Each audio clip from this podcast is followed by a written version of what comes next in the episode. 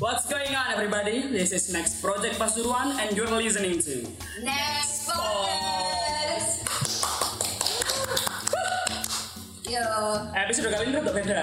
iyalah kan kita kedatangan tamu istimewa. Karena kita ingin menunggangi apa yang sedang hits saat ini. Iya. Bukannya apa ya istilahnya bahwa memang Pandaan ini sebenarnya peduli.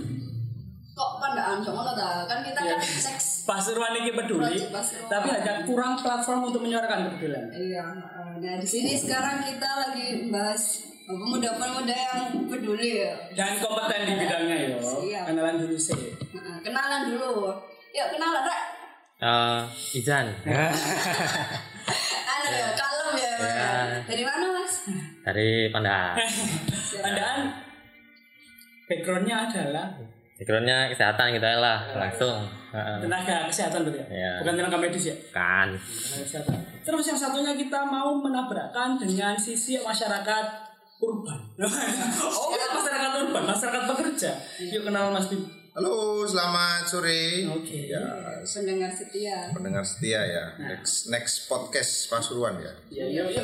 ya. Nama saya Bima, saya dari Pandaan. Hmm. Saya eh, rencananya akan ngobrol terkait masalah menyoroti ke sosialita ekonomi. Realita ya, realita yang ada data yang di lapangan ditabrakkan dengan pendapat para tenaga medis, eh tenaga kesehatan cuy.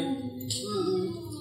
Ya, ini kok dengaran podcast kita serius. Eh, keren banget ya. Kenapa penjelasan ini terjadi? Dikarenakan gini ya, kita concern bahwa koyo eh THR minggu-minggu ini akan turun. Ya, iya. Malah beberapa udah Sabar. turun loh. Pertama itu bahwa akan ada lonjakan pembeli di tempat-tempat perdagangan. Iya gak sih? Saat THR turun logikanya adalah teman-teman kita pasti Belanja beli. baju dong. Nah, Ya, iya. tapi pertanyaannya adalah apakah mereka tetap takut atau waspada terhadap corona? Itu kan aku gak paham. Dari sisi pertanyaan lain ya, Zan, kenapa kita harus waspada terhadap corona? Kalau dari si umum ya corona ya. Memang kalau si virusnya tersebut itu nggak nggak kasat mata yang satu. Yang kedua ada namanya fase inkubasi itu ya 14 hari.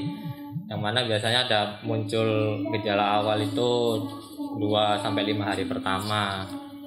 Nah di masa-masa itu kan misal kita kontak sama siapa pun kan nggak tahu. Nah, nggak tahu kayak aku habis hubungan sama ini habis sama ini habis sama ini terus ya asumsinya nggak pakai masker nggak pakai anu terus bisa jadi kena bisa jadi ya belum tentu tapi si gejala awal itu piye?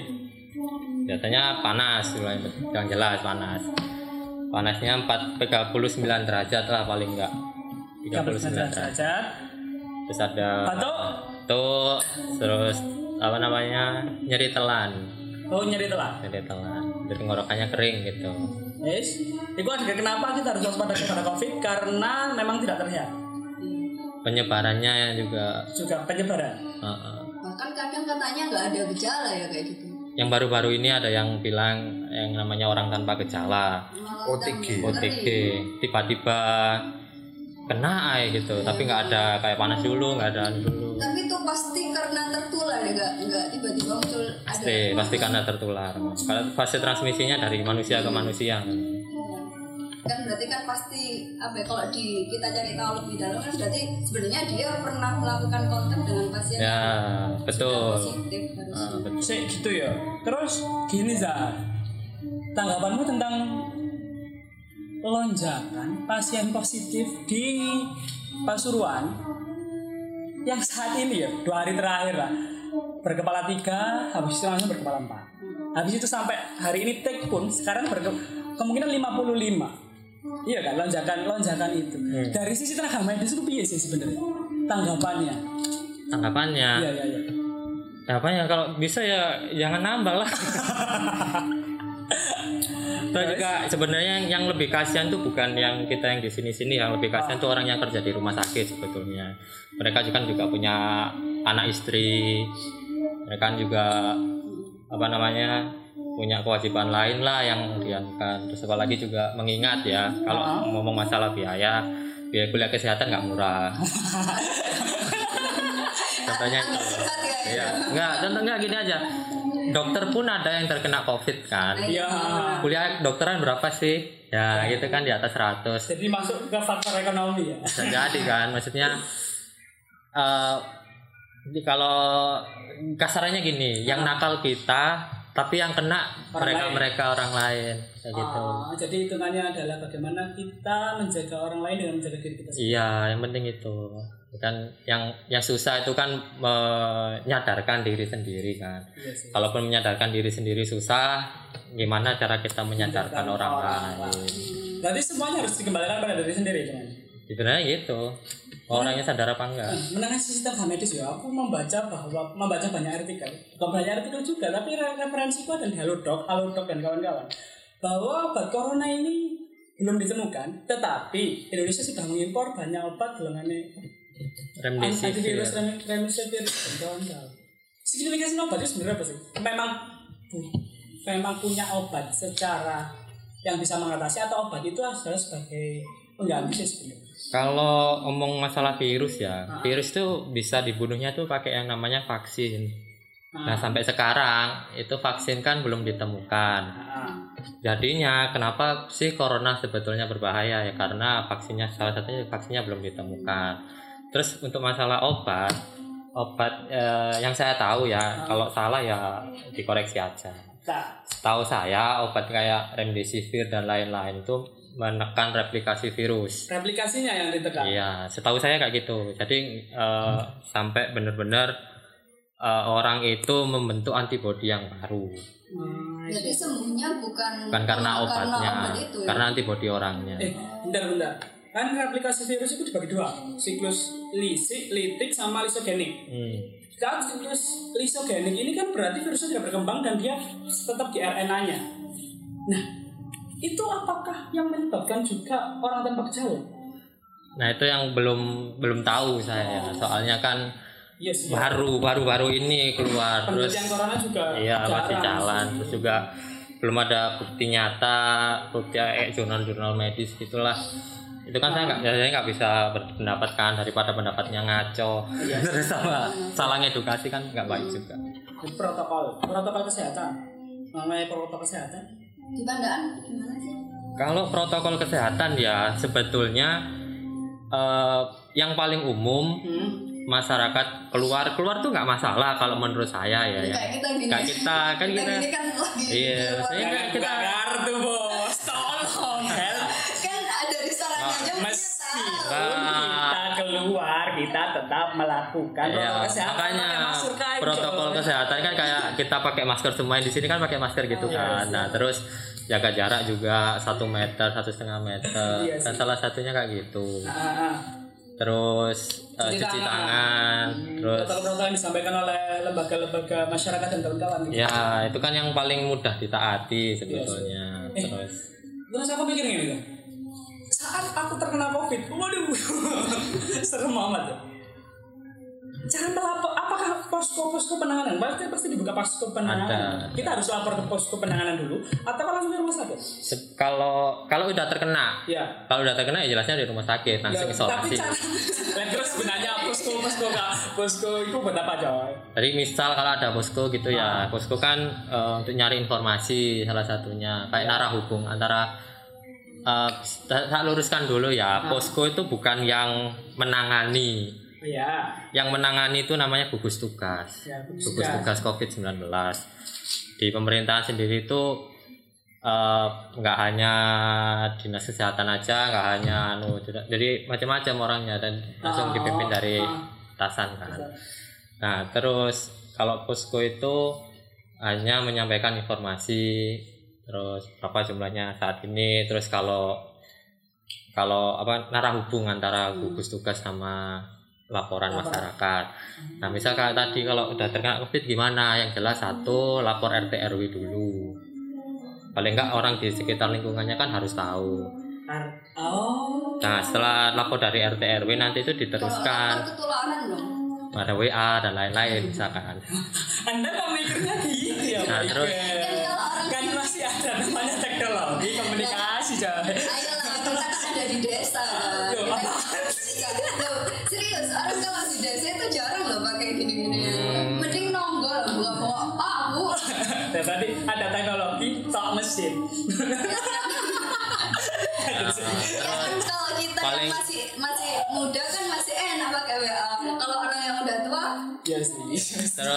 paling enggak habis lapor gitu ya. Nanti ada orang dari rumah sakit sebetulnya yang ikut itu. Sudah mereka pakai APD lengkap pakai baju putih-putih itu. Iya oke. Ah, Apa, ah. hazmat? hazmat. Protokol wajibnya kayak gitu. Berarti di setiap posko itu selalu ada gugus itu atau gimana? Eh, posko itu bagian bagian dari gugus tugas. percepatan penanganan corona. Ya. Harusnya tiap daerahnya, tiap lingkup apa itu harus ada poskonya. Kalau posko sebetulnya macam-macam ya, tapi yang diwajibkan setiap kabupaten itu punya.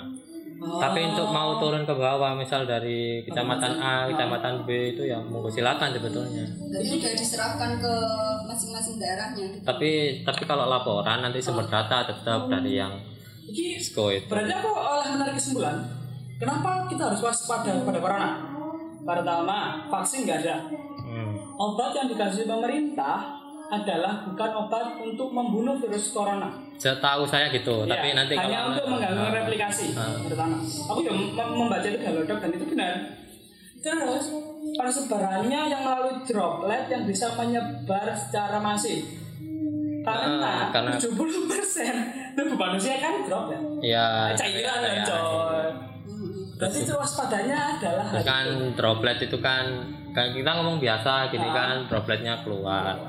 Nah salah satunya juga kan pakai masker. Pakai masker pun eh misal kalau pakai yang masker kain ya tips aja sih ditiup aja. Tiup kalau udaranya keluar dari sini itu berarti maskernya yang kurang bagus. oh gak double Iya, jadi- dilapisi lagi Pakai itu aja, pakai tisu, tisu Ah. dimasukkan. Terus setelah dipakai tisunya diambil, dibuang. oh sebuah tips untuk memperlakukan masker kain Ya, Ngono kanca bolos, rungono ngono aja nakal-nakal kon. Eh, Pakai masker loh. aku iki krungu ge seputar Pasuruan. Ono arek mabuk enam kecekel di pinggir dalan poso-posoan. Opo-opoan iku eh, kanca bolos, tolong eh. Gimana, gimana? Gimana Mas Bim? Kelihatan nggak di jalan-jalan banyak yang masih nggak pakai masker yang keluyuran? Kalau dari sudut pandang saya ya terkait masalah masker ya, ya saya di sini bukan untuk mendramatisir sebuah kondisi di mana untuk mengcounter dari tim kesehatan, tim medis ya. Cuman eh, saya rasa gerakan-gerakan yang di digulkan ya, yang digaungkan oleh tim medis bahwasanya wajib masker, wajib masker, wajib masker dan wajib masker. Eh, untuk kalangan menengah ke atas, insya Allah bisa. Dan saya yakin pasti bisa untuk membeli masker. Nah, kata Jangankan beli, borong pun bisa. Menimbun bisa. bisa bisa berbisnis men. Yes. Apa sih di Indonesia nggak bisa diduitin? Oke. Tujuh puluh ribu surat ya. Shopee loh coy. Itu di- dijual secara online di e-commerce loh ya. Gak gak paham apa mbak. Ya. Lanjut terus. Lanjut, lanjut, lanjut. Terus bagaimana ketika eh, yang menengah ke bawah Ah, yang sekedar hanya untuk membeli bahan pokok keseharian saja sulit hmm. untuk dianjurkan pembelian masker. Oh ya, sih sih. Ya, jadi sebenarnya saya bukan bukan menyalahkan dari tim kesehatan, tapi eh, Mempertanyakan. harus ada harus ada kesinergian ya antara tim kesehatan dengan eh, konsekuensi dari pemerintahan kita sendiri. Oh. Gitu. Jadi jangan sampai poinnya di sana. tim kesehatan ini tadi sudah gembar-gembor dan itu benar secara teori, ya kan? Tapi secara praktek tidak dilaksanakan. Dikarenakan Dikarenakan itu tadi Indonesia random coy. Oh. Ekonomi Indonesia random. Kita kalau secara teori mungkin ada bawah, menengah, atas. ya Tapi kalau Indonesia banyak variabel. ya kan? bahwa memang penerima raskin atau penerima bantuan langsung tunai bisa memiliki sawah berhektar-hektar. Indonesia Indonesia random loh. It's true man. Gaji UMR ya. Padahal petani kalau membeli apa pun itu cash. tempat di sini itu loh udah mulai bagi-bagi masker gratis ya kalau di sini. Hmm. Dari tenaga kesehatan sebenarnya memang ada itu gak sih? Dari Mas Bima tadi menerangkan bahwa Kalau- masker untuk menjangkau kalangan menengah ke bawah. menengah ke bawah Nah. karena kita yang penting di sana itu menurut saya Ah. dalam artian jangan sampai begini tim kesehatan capek oke Ya, oke. saya sepakat Hmm. capek stres ya kan Ya, Eh, bingung kenapa semakin hari semakin membludak Ah. akhirnya melakukan sebuah gebrakan pakai masker. Ah, pakai masker pakai masker dan pakai masker. Nah, pertanyaan saya itu tadi. Ketika orang yang di kalangan ekonomi menengah ke atas itu sanggup untuk membeli masker bagaimana dengan orang yang menengah ke bawah dikala dia untuk pembelian bahan pokok keseharian di rumah tangga saja sulit? Ah, nah Jadi- pemerintah apa? Bagaimana?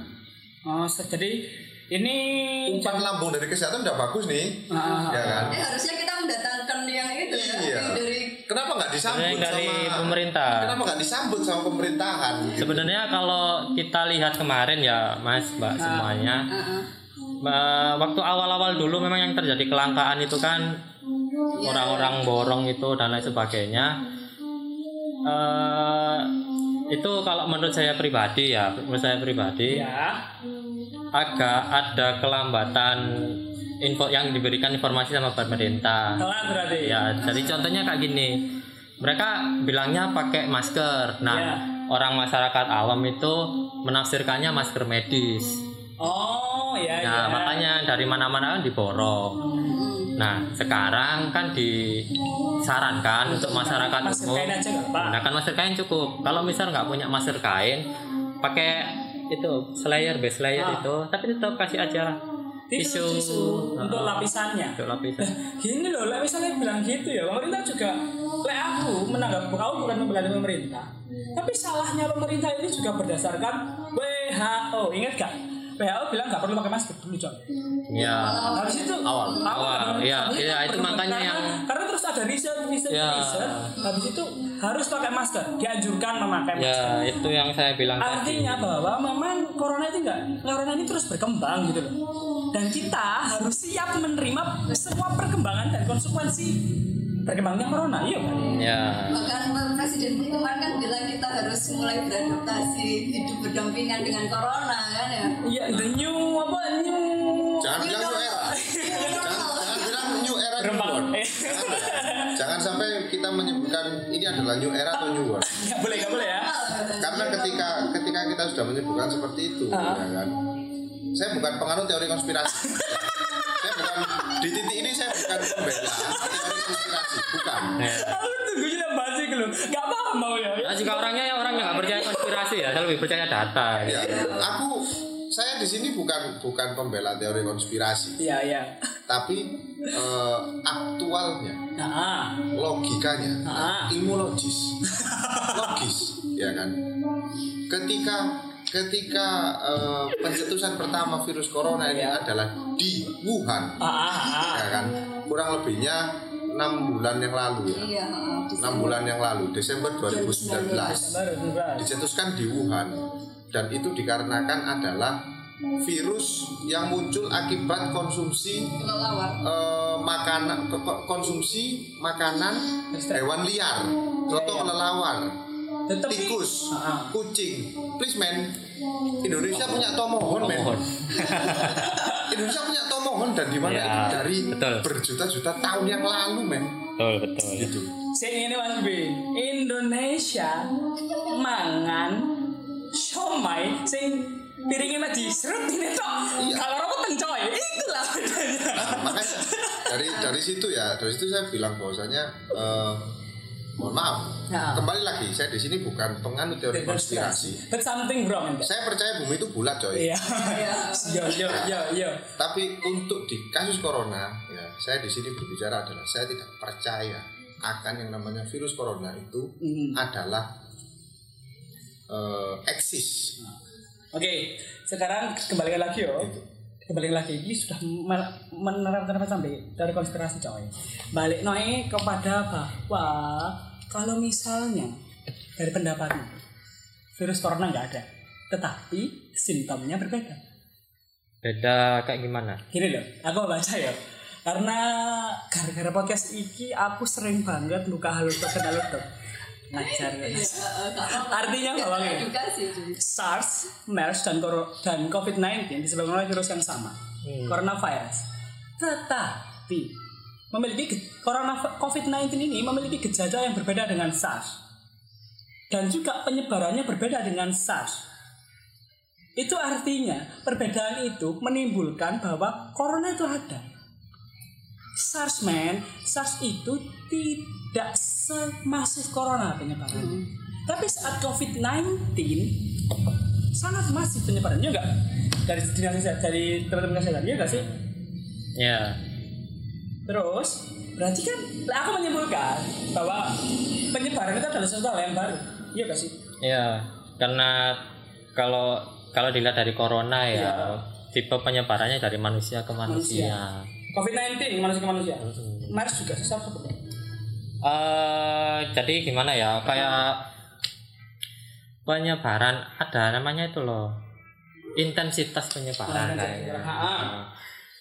Jadi kan kalau corona itu kan dia via droplet terus Ah. omong-omongan biasa gitu. Terus kalau pegang sesuatu, Oh, see. Heeh, nah itu kan banyak orang yang melakukan hal tersebut. Iya, gitu pegang kan. suka pegang-pegang.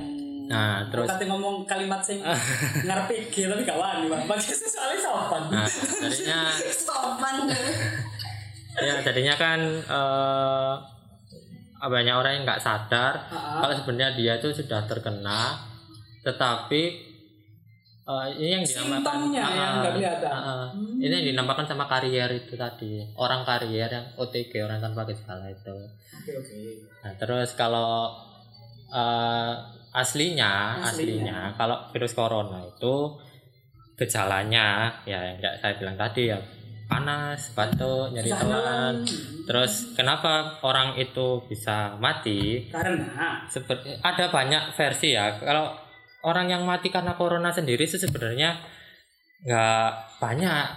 Karena orang yang mati itu karena orang lain itu punya komplikasi penyakit lain.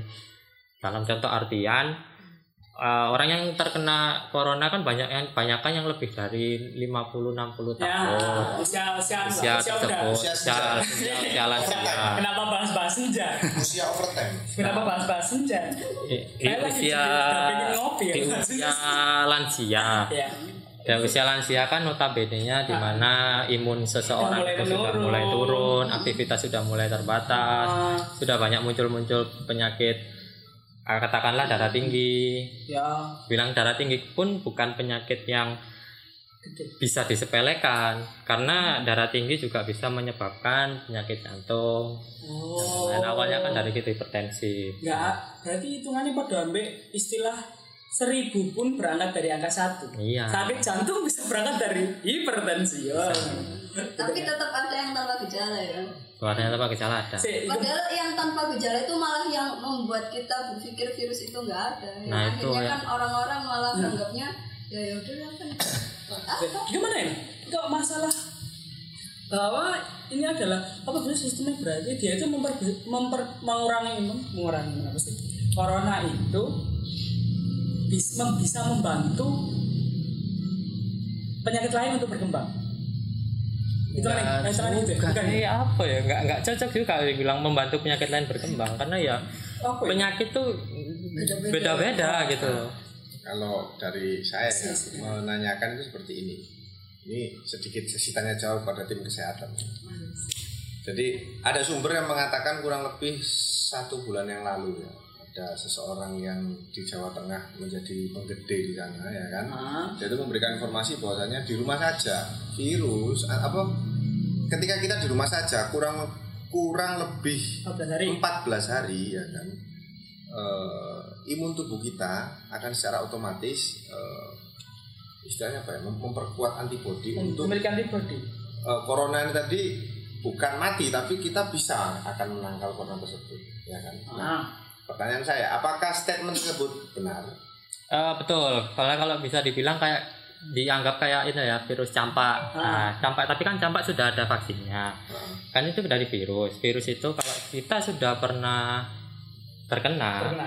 akan susah terkena ke lagi dua karena kalinya. kita sudah ada ah, karena kalau campak kan sudah ditambahkan dengan vaksin, vaksin. ya. Vaksin campak. vaksin campak ada, vaksin corona belum ada. Kecuali yang tercampakkan kan vaksin.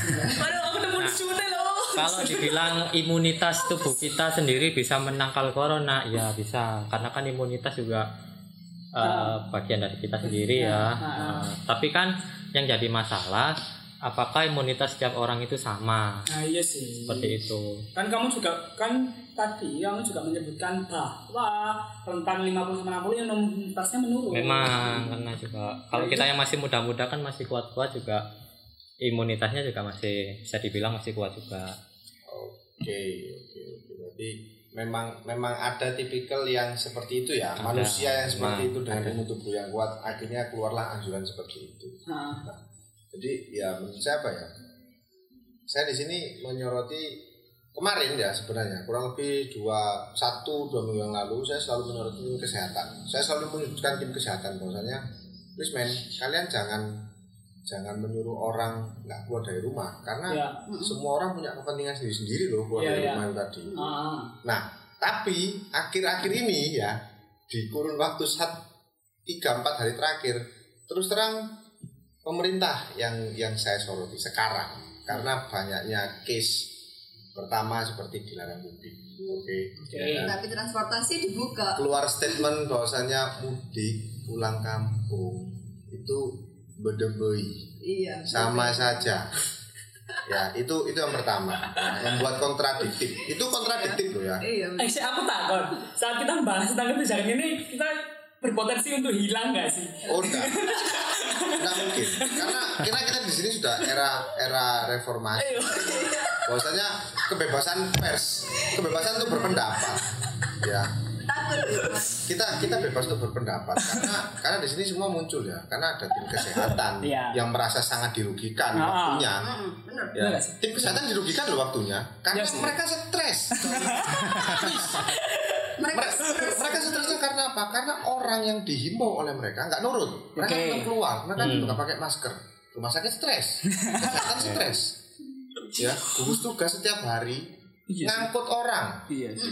ya saya menurut dari sisi mana? Ekonomi. Ah, orang-orang pedagang kecil UKM ekonomi mikro stres. Karena Iya apa? dilarang oleh kesehatan. Ah. tapi mereka dilema. Ketika mereka tidak melakukan aktivitas seperti biasa bagaimana dapur Hmm, Ya, bisa masalah pikiran Eh, dapur kalau eh, kalau saya boleh ber- berpendapat ya. Ah, ah. eh, Terserah anda aja, ini podcast terserah coy.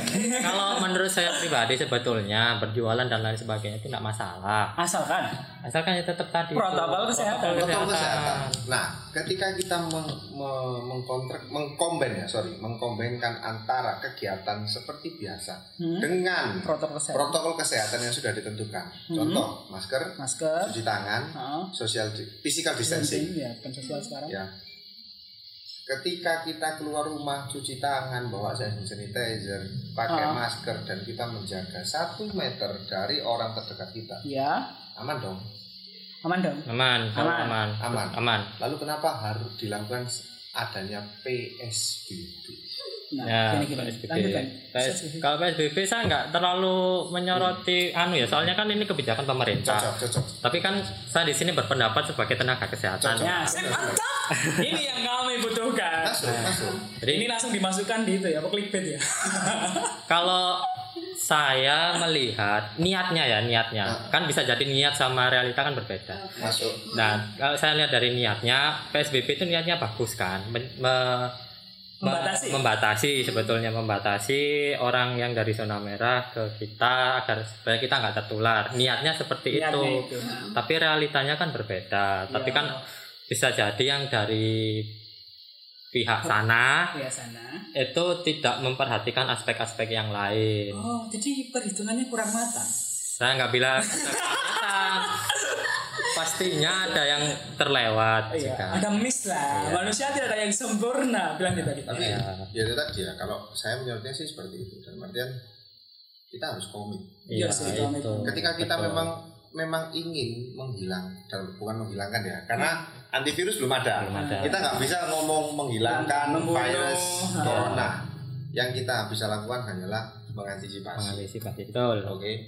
dan orang-orang yang sudah terjangkit dikelompokkan menjadi satu dikucilkan pada saat itu Stigmatisasi untuk menarik ini. bukan dikucilkan ya tapi disterilisasi di satu tempat Ah. ya kan agar virus ini tadi tidak keluar dulu Ya, selesai di tempat itu sudah selesai baru keluar dikembalikan ya ya. itu kan the best way Iya. jalan satu-satunya. Itu satunya Yes, yes. memang. Nah yang sekarang yang saya soroti adalah ah, ketidak komitmennya dari berbagai lini Oh. terkait masalah itu. Apakah cuman saya yang berpikiran the best way hanya seperti itu? Saya rasa enggak.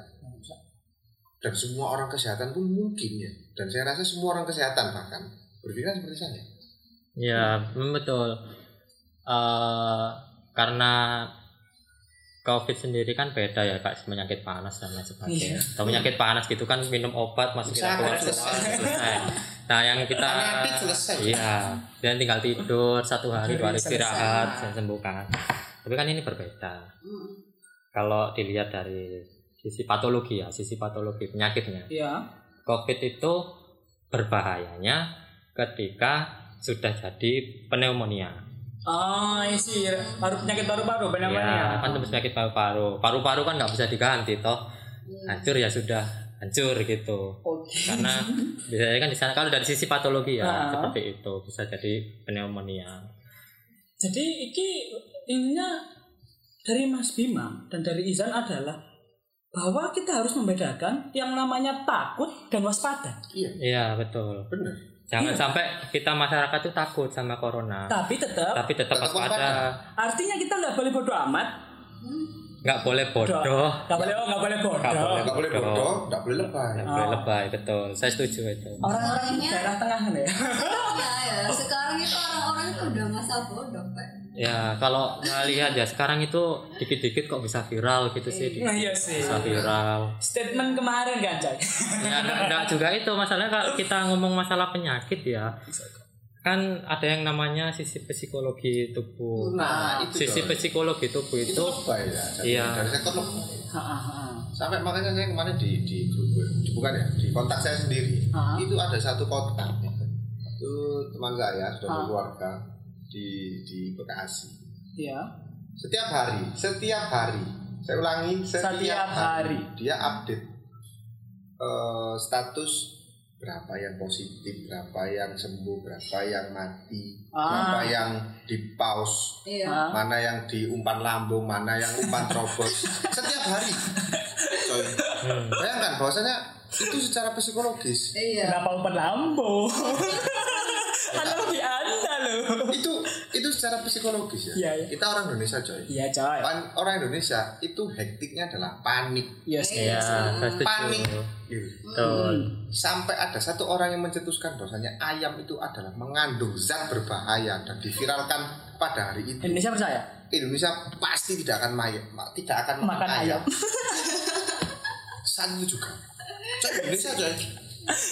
Karena semua apa eh, Indonesia itu panik ya. Hmm. Betul. Makanya kita sebenarnya di sini ya. Saya terus terang ingin ingin menye- menyuarakan bahwasanya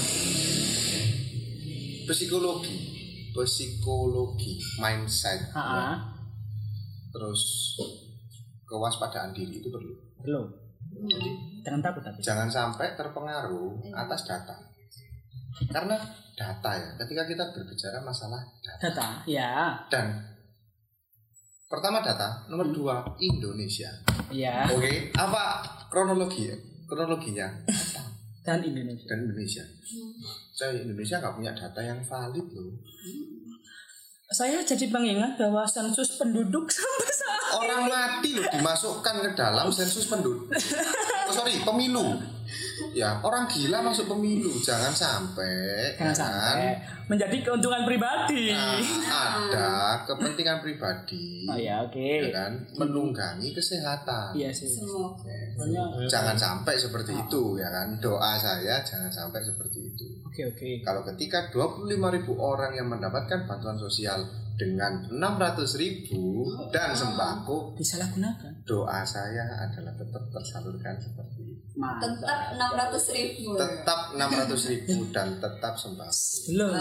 Aku aku jadi ingin bertanya. Oke. Apakah penerima satu bisa menerima dua kali bantuan Nah itu yang kan masih belum ada yang tertulis masalah itu. Ya. saat gini nih aku juga menurut pemerintah ya tenaga, tenaga kesehatan bahwa banyak sekali influencer ataupun pegiat-pegiat sosial yang menya- menyalurkan bantuannya ke masyarakat. Tetapi terkadang ada satu masyarakat yang dapat dua padahal harusnya bisa dibagi yang lain coy. Ada yang malah nggak kebagian kan? Ini yang salah oknum yang salah masyarakat apa yang salah pikiran saya? Ya Kalau- Ini saya mau nyari yang bisa Ya, salah saya aja kalau menurut saya memang baiknya ya gitu kan dilakukan pendataan ulang Benar, benar. oke oke jangan sampai itu pakai data yang lama Nah, pendataan ulang. Ketika kita bicara masalah pendataan ulang, berarti yang paling mendasar adalah RT. ya betul Dari Betul. RT naik ke RW, dari RW naik ke kepala dusun, naik ke kepala dusun ke kepala desa, kepala desa ke Kecamatan. Kecamatan. Ah, Kan? langsung naik naik naik ke pusat Nah, lanjut naik-naik Pemda, sam- eh, Pemkot, Pemda, pemerintah, Pemprov, provinsi, dulu, ah. terus ke pusat. Nah, kira-kira teori seperti itu, aktualnya apakah seperti itu? Sedangkan ya, habit di Indonesia adalah distorsi informasi. Yujum dodol gorengan 500-an enak murah. Sampai di aku Yujum Yujum. dodol gorongan 500an wis Nah, enak murah ikan no Sampai di orang lain bisa jadi yujum murah. itu Indonesia. Dan maksudnya 500-an murah. Ini dalam artian gitu. Ini adalah obrolan obrolan yang sangat ringan. Hmm, tapi saya takut menghilang Tapi itu ngeri coy kalau itu urusan duit dan kesehatan Iya. coy dan kesehatan. betul saya setuju itu Itu makanya kenapa saya bilang jangan takut corona, keluar saja. tapi waspada dan protokol tetap hati-hati Nah, dan pemikiran kita jangan sampai takut. Hmm. Aku keluar untuk apa? Mencari nafkah. Saya keluar untuk mencari nafkah, mencari penghidupan, ya kan. Hmm. Anak saya butuh susu, oh iya sih keluarga saya butuh makan. Saya tetap harus keluar, iya ya kan. Dengan tetap cuci tangan, Oke. pakai masker, ya kan. Indonesia, kembali lagi, kembali lagi ke Indonesia. Mhm. Ketika pemilu, ketika pilpres, ya kan. Orang nggak butuh kaos, dikasih kaos. Sekarang, ya. Ah, sebenarnya ini semua ya harus dengar coy.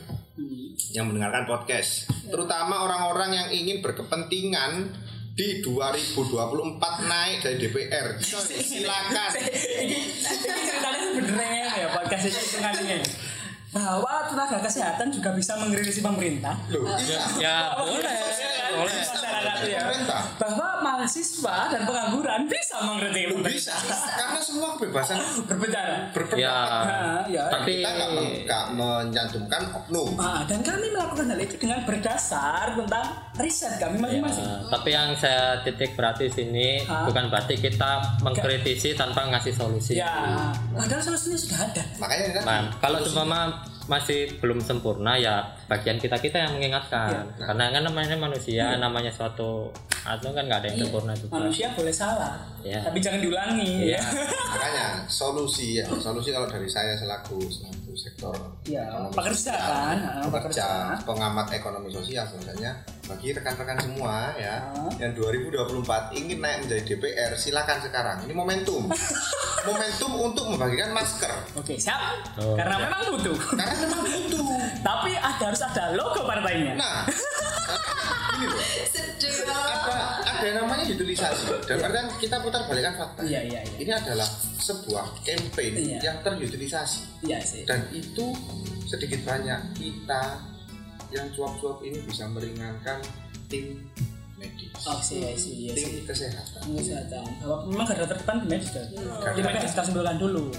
Bahwa memang corona itu berbahaya pertama. Corona itu berbahaya. Jangan takut tapi tetap waspada. Tetap waspada obat masih belum ditemukan vaksin belum ditemukan bahwa kalian semua semua harus waspada. Tetap waspada loh ya bukan konco seenaknya polos aja. Konco polos tolong jangan jadi jamet. Ah. si si sampai sampai itu apa? Jawa metal. Jawa metal. Jawa metal